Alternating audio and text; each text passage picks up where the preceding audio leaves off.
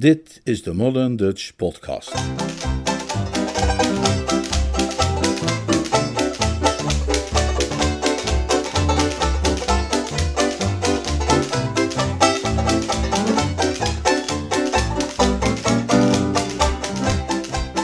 Een man van eer. Een Jeeves-roman van P.G. Woodhouse, The Code of the Woosters. Vertaald en voorgelezen door Leonard Beuger. There she is, there she is, there's what keeps me up at night. Oh gee whiz, oh gee whiz, there's why I can't eat a bite. Those flaming eyes, that flaming youth. Oh mister, oh sister, tell me the truth. Cause when I'm paddling, paddling home. Gee, when I'm paddling, paddling home. Hoofdstuk 8a. Jeeves was de eerste die de nogal gespannen stilte verbrak. Het boek lijkt hier niet te zijn, meneer. Hè? Ik heb hier bovenop de linnenkast gezocht, meneer, maar het boek niet gevonden. Kan zijn dat mijn antwoord een tikje aan de bittere kant was. Mijn nipte ontsnapping aan die blikkerende kaken had me een beetje kribbig gemaakt. En dan hoepel nou toch op met dat boek, Jeeves. Wat doen we aan die hond? Tja, meneer. Hoe bedoel je tja, meneer? Ik tracht het gevoel over te brengen, meneer, dat ik het probleem dat u signaleert herken. De onverwachte verschijning van het dier betekent onmiskenbaar een obstakel. Zolang hij in zijn huidige houding volhardt, zal het niet gemakkelijk zijn de zoektocht naar het notitieboekje van de heer Finknotel tot een goed einde te brengen. Onze bewegingsvrijheid wordt er aanzienlijk door gelimiteerd. Maar wat kunnen we daar gaan doen? Dat is moeilijk te zeggen, meneer. Heb jij niet een goed idee? Nee, meneer. Ik zou daar iets zuurs of bijtends op hebben kunnen antwoorden, ik weet niet wat, maar iets. Doch zag ervan af. Ik besefte dat het behoorlijk lastig voor hem moest zijn met zijn talenten, dat van hem verwacht werd elke keer zonder uitzondering in de roos te schieten. Ongetwijfeld had de briljante ingeving die geleid had tot mijn vernietigende overwinning op de krachten der duisternis in de persoon van R. Spode hem behoorlijk uitgeput en zijn hersenactiviteit tijdelijk wat doen teruglopen. Ik kon alleen maar hopen en bidden dat de machinerie spoedig weer op gang gebracht kon worden, zodat nieuwe hoogten van mentaal vermogen konden worden bereikt. En hoe eerder hoe liever, dacht ik, toen ik de situatie nog eens overwoog want het was duidelijk dat niets de verderfelijke viervoeter zou kunnen verjagen dan een massale aanval die bovendien moedig en deskundig uitgevoerd zou moeten worden. Ik geloof niet dat ik ooit een hond had gezien die overtuigender de indruk wist te wekken vastgenageld te zijn op zijn plek en van plan daar te blijven tot Sint-Juttemus, of in elk geval totdat Stiffy terugkwam. En wat ik tegen Stiffy zou moeten zeggen als ze inderdaad binnenkwam en mij daar aantrof, genesteld op haar ladekast, was iets dat ik nog niet zo gauw tot in enig detail had kunnen bedenken. Het beest dat daar praktisch vastgeroest leek op zijn plek, begon me overigens al gauw te ergeren. Ik weet nog dat Freddy Widgeon, die ook ooit eens tijdens een bezoek aan een landhuis letterlijk op de kast was gejaagd, in zijn geval door een Duitse herder, mij vertelde dat wat hij het vervelendst had gevonden van de hele situatie het gevoel was van vernedering. Zijn gewonde trots, als u begrijpt wat ik bedoel. Het gevoel dat hij als heer van de schepping, om zo te zeggen, gedwongen was op een kleerkast te bivakeren, overgelevend als het ware aan de luimen van een zakkerse hond. Voor mij was het precies hetzelfde. Een mens wil vanzelfsprekend niet te koop lopen met zijn oude en eerbiedwaardige afkomst, maar het blijft natuurlijk wel waar dat de woesters hier zijn gearriveerd met Willem de Veroveraar en dat wij ook prima met hem konden opschieten. Alleen heb je er natuurlijk weinig aan met veroveraars te zijn overgevaren, als het er uiteindelijk op uitdraait dat je je de baas moet laten spelen door een Schotse terrier.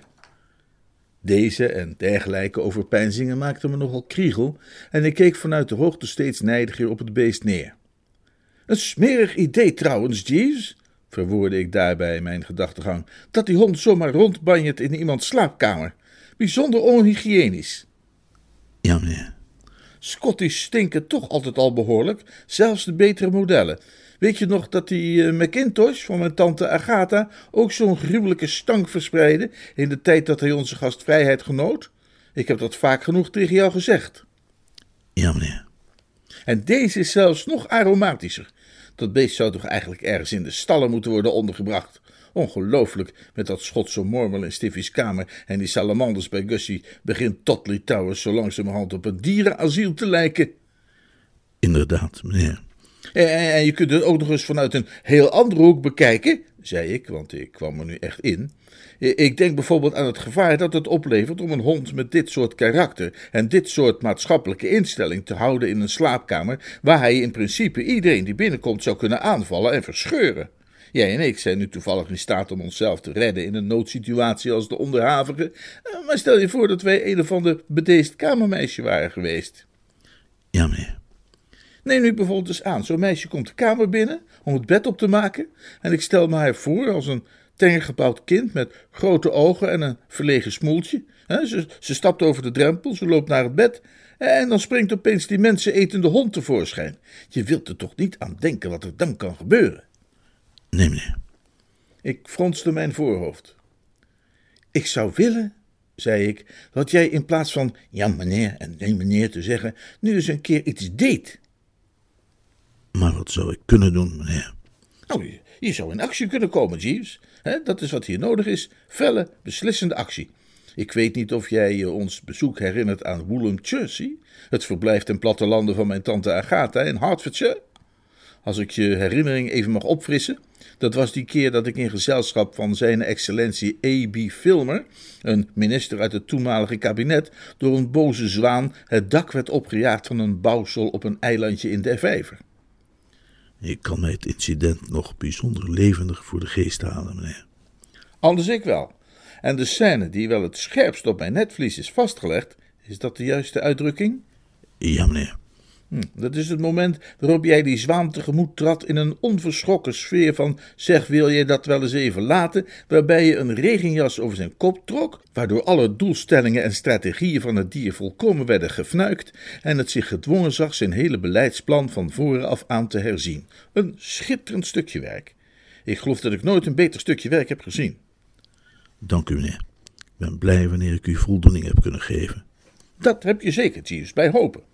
En wat mij nu te binnen schoot, was dat een dergelijke actie die hond behoorlijk op zijn neus zou doen kijken. Ongetwijfeld, meneer, maar ik heb geen regenjas bij me. Wat ik je in dat geval zou willen adviseren, is om eens te kijken wat je met een laken kunt doen. En als je je afvraagt of een laken wel net zo goed functioneert, kan ik je zeggen dat vlak voordat jij naar mijn kamer kwam, ik voortreffelijke resultaten had behaald met een laken in het geval van de heer Spode. Het was hem vrijwel onmogelijk eruit te ontsnappen. Werkelijk, meneer? Ik kan het je verzekeren, Jeeves. Eh, je kunt geen beter wapen kiezen dan een laken. Op het bed liggen er een paar. Ja, meneer. Op het bed. Het bleef even stil. Ik zou de man niet graag onrecht aandoen, maar als dit geen nolle prosecui was, dan weet ik niet wat het wel was. De koele en weinig enthousiaste blik in zijn ogen vertelde me dat ik gelijk had en ik probeerde een beroep te doen op zijn eergevoel zoals Gussie dat op het mijne had gedaan tijdens ons discours in de kwestie Spood. je bent toch niet bang voor zo'n klein hondje, Jeeves? Hij corrigeerde mijn mening in dat opzicht met het argument dat het betreffende dier niet zeer klein was, maar juist van een bovengemiddelde spierontwikkeling, en wees mij daarnaast op de kwaliteit van zijn gebit. Ik stelde hem gerust.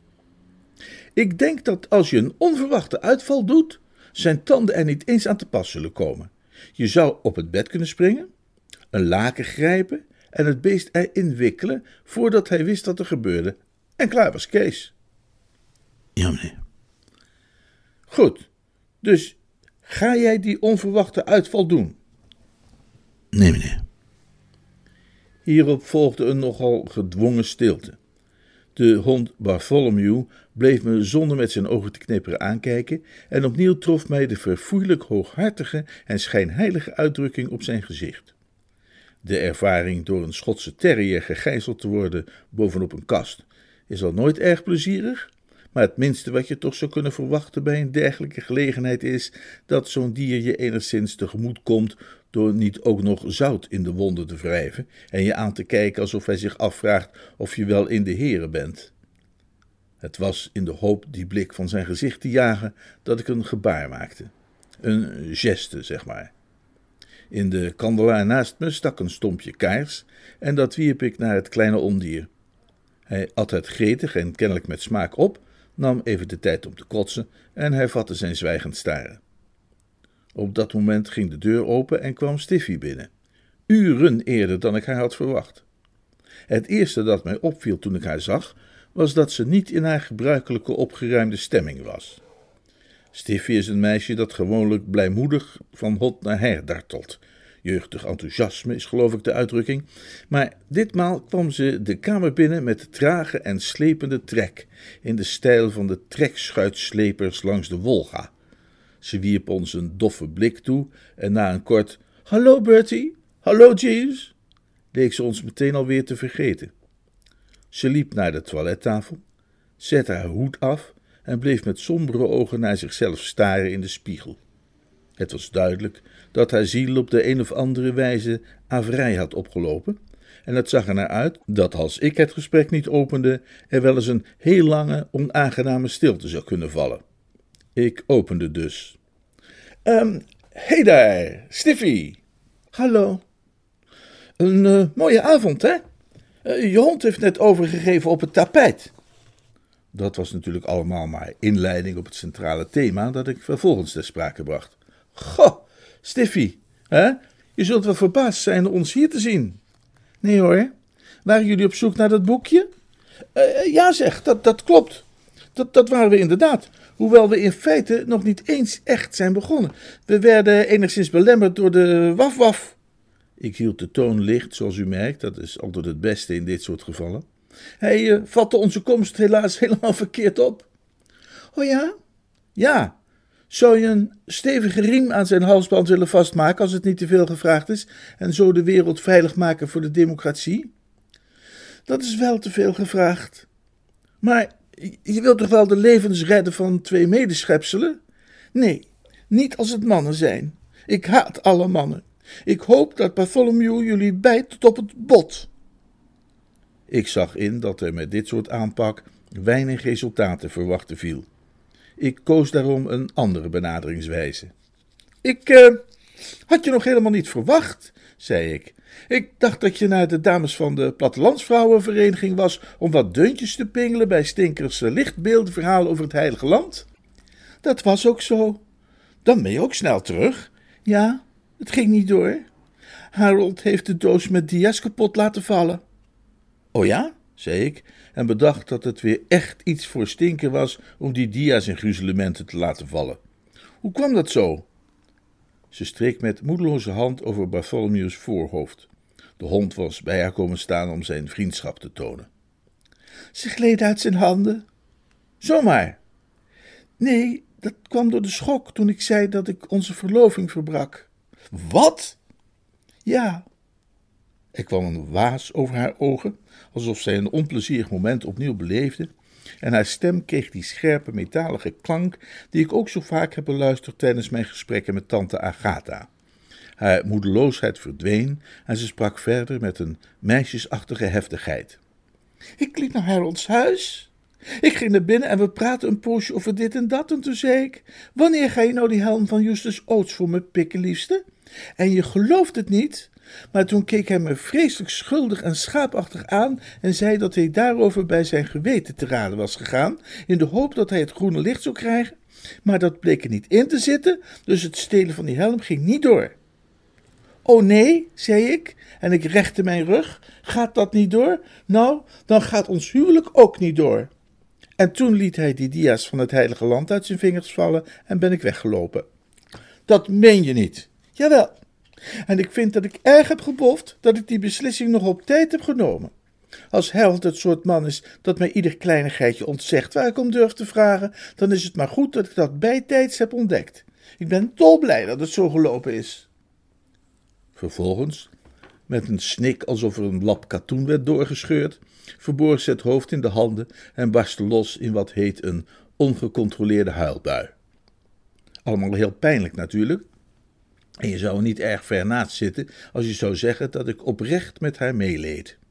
Ik geloof niet dat er veel mannen zijn in het postcodegebied van London West One die sneller worden aangegrepen door vrouwelijk verdriet dan ikzelf.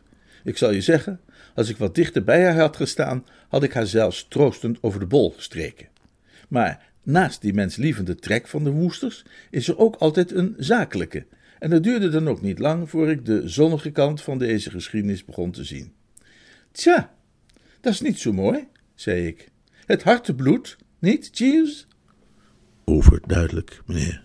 Ja, verdorie, het bloed in stromen, zeg ik.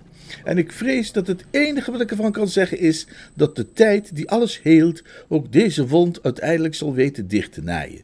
Maar nu je onder deze omstandigheden dat boekje van Gussie niet langer nodig zult hebben, mogen wij dat boekje zeker wel van je hebben. Wat?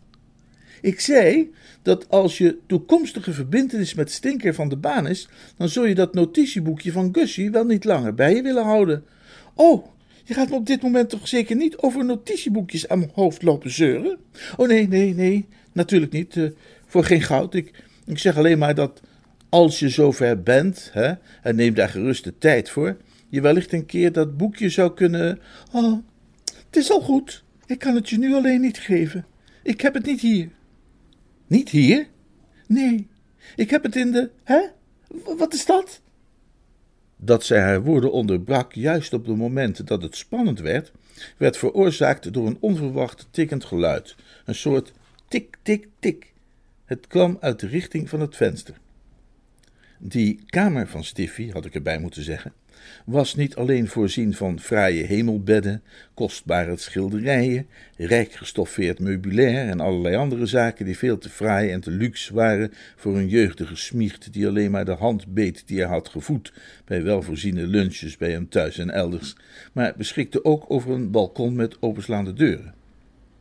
Op het glas van die deuren was het dat er getikt werd vanaf het balkon, waaruit mocht worden afgeleid dat daar buiten iemand stond die naar binnen wilde. Dat ook de hond Bartholomew tot die conclusie was gekomen, was duidelijk te zien aan de behendigheid waarmee hij tegen het raam opsprong en zich er doorheen probeerde te bijten. Tot nu toe had hij zich een hond getoond met een sterk gereserveerd karakter, die zich graag beperkte tot stilzitten en kijken, maar nu bleek hij toch ook vol dolle vloeken en baardig als de panter. Ik moet bekennen dat bij het zien van zijn bijten en blaffen ik mijzelf achteraf nog eens geluk wenste om de snelheid en behendigheid waarmee ik op die ladekast geklauterd was. Een vals bijtertje als zelden gezien, die Bartholomew Bing. Een bottenkraker. Men levert natuurlijk niet graag kritiek op de alwetende voorzienigheid, maar men vraagt zich soms toch af, stilletjes, hè, waarom een hond van zijn beperkte afmetingen zo nodig voorzien moest worden van de kaken en tanden van een krokodil. Maar ja, het is nu natuurlijk toch te laat om daar nog iets aan te doen. Na een korte, onthutste stilte, zoals te verwachten van een meisje dat op haar raam hoort tikken, was Stiffy opgestaan om te gaan kijken wat er was. Van waar ik zat, kon ik niet zien, maar voor haar was dat kennelijk anders. Toen ze het gordijn openschoof, zag ik hoe ze haar hand tegen haar keel sloeg als iemand in een ouderwets toneelstuk en een scherpe kreet slaakte, die zelfs te horen was boven het gruwelijke lawaai uit dat de schuimbekkende terrier wist te produceren. Harold! krijste ze. Ik telde één en één bij elkaar op en kwam tot de slotsom dat de figuur op het balkon niemand anders kon zijn dan de brave Pinker de Stinker, mijn favoriete hulppredikant. Het was een soort van verzaligde kreet geweest waarmee die kleine heks zijn naam had uitgeroepen als van een vrouw die haar duivelse minnaar begroet, maar het was duidelijk dat zij bij enig nadenken besefte dat zij, gezien hetgeen zich kort daarvoor had afgespeeld tussen die man van God en haarzelf, eigenlijk niet helemaal de juiste toon had aangeslagen. Haar volgende woorden werden dan ook op een meer kille, vijandige toon uitgesproken. Ik kon ze verstaan, omdat ze inmiddels de verschrikkelijke Bartholomew had opgetild en een hand over zijn muil gelegd om zijn gekef te smoren. Iets wat ik zelf voor geen goud of goede woorden zou hebben durven doen. Wat kom je doen? Dankzij het uitvallen van Bartholomew kwam het geluid nu helder en duidelijk door. Stinkers stem klonk een tikje dof vanwege de ruit die ertussen zat, maar voor de rest was de verbinding uitstekend. Ja, Mag ik binnenkomen? Nee.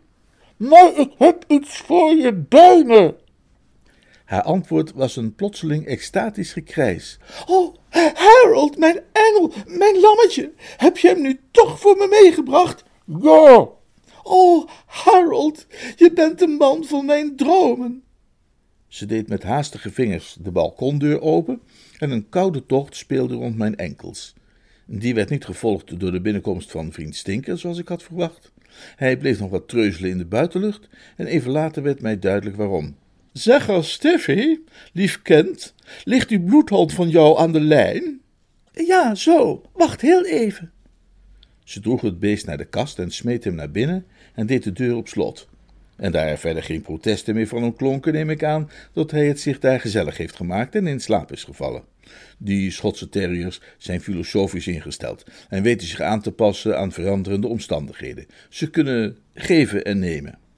Alles veilig, Engel? zei ze en liep terug naar de balkondeuren, juist op tijd om zich door de binnentredende stinker in de armen te laten sluiten.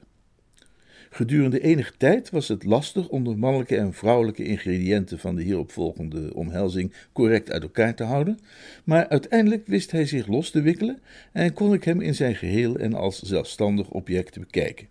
Daarbij viel het me op dat er thans aanzienlijk meer van hem was dan toen ik hem voor de laatste keer had gezien. Boerenboter en het bezadigde leven dat die plattelandsgeestelijk leidde, hadden een flink aantal pondjes toegevoegd aan zijn altijd al indrukwekkende gestalte.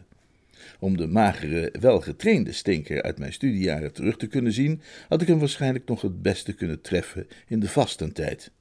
Maar de verandering, merkte ik al gauw, was zuiver een kwestie van uiterlijk. De manier waarop hij over een kleedje struikelde, uh, tegen een bijzettafeltje botste en ouderwets grondig ondersteboven liep, toonde aan dat hij diep van binnen nog steeds dezelfde klungel was gebleven, die rondstrompelde op twee linkervoeten en die het altijd al fundamenteel onmogelijk was geweest om zelfs maar door een vlakte als de Gobi-woestijn te lopen zonder iets om te gooien.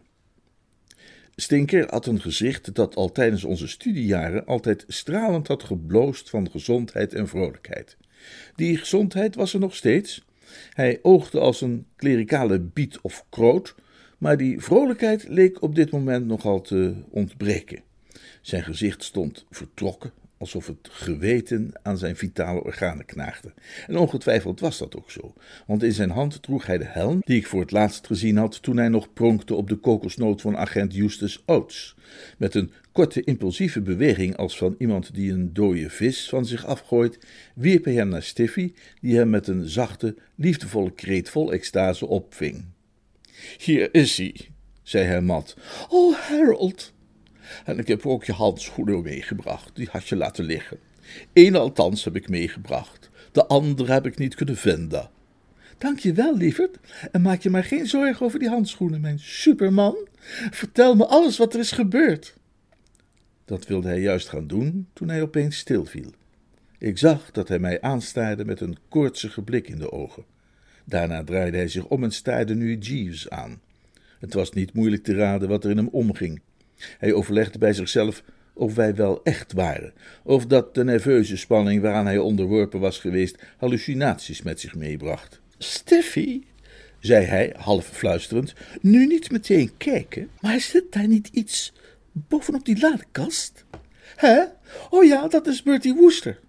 Goh, echt, zei Stinker en je zag hem opknappen. Ik, ik wist het even niet zeker. En zit er op die linnenkast ook iemand? Dat is Jeeves, Bertie's bediende. Oh, hoe maakt u het? vroeg Stinker. Hoe maakt u het, meneer? antwoordde Jeeves. Wij klauterden naar beneden en ik liep met uitgestoken hand op hem af, klaar voor een aangename hereniging. Hé hey daar, Stinker! Hallo, Bertie. Dat is lang geleden.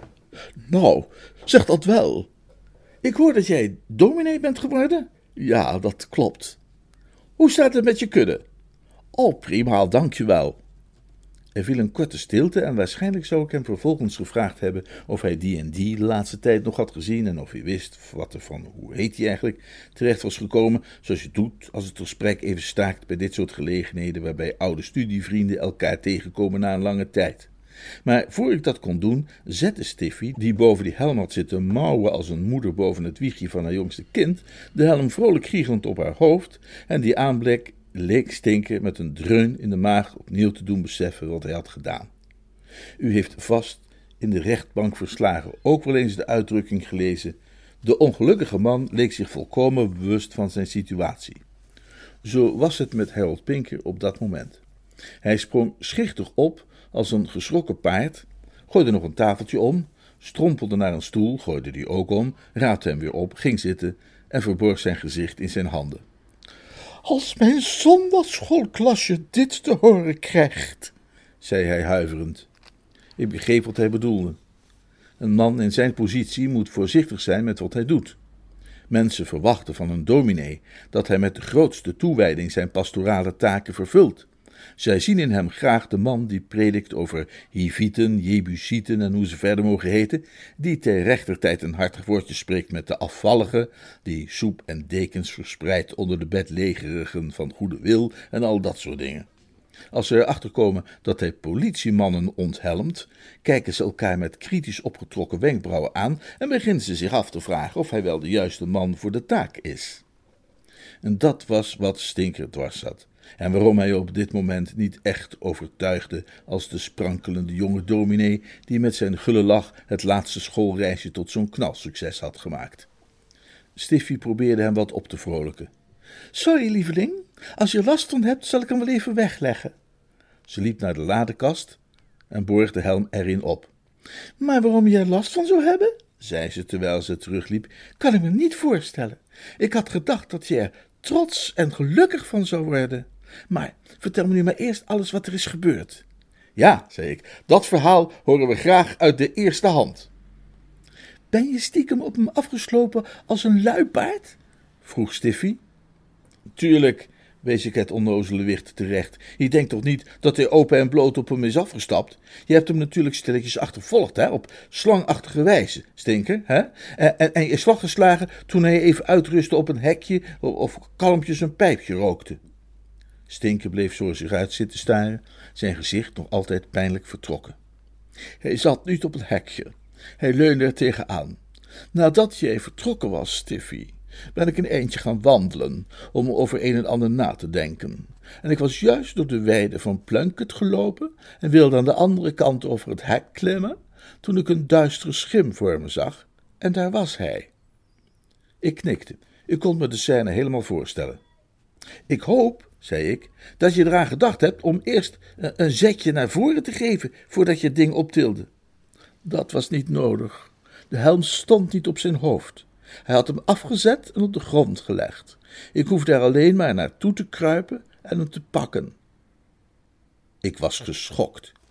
Ik kneep de lippen samen. Dat is niet helemaal zoals het hoort, stinker. Jawel, zei Stiffy op een hartelijke toon, want ik vind het juist heel erg slim van hem.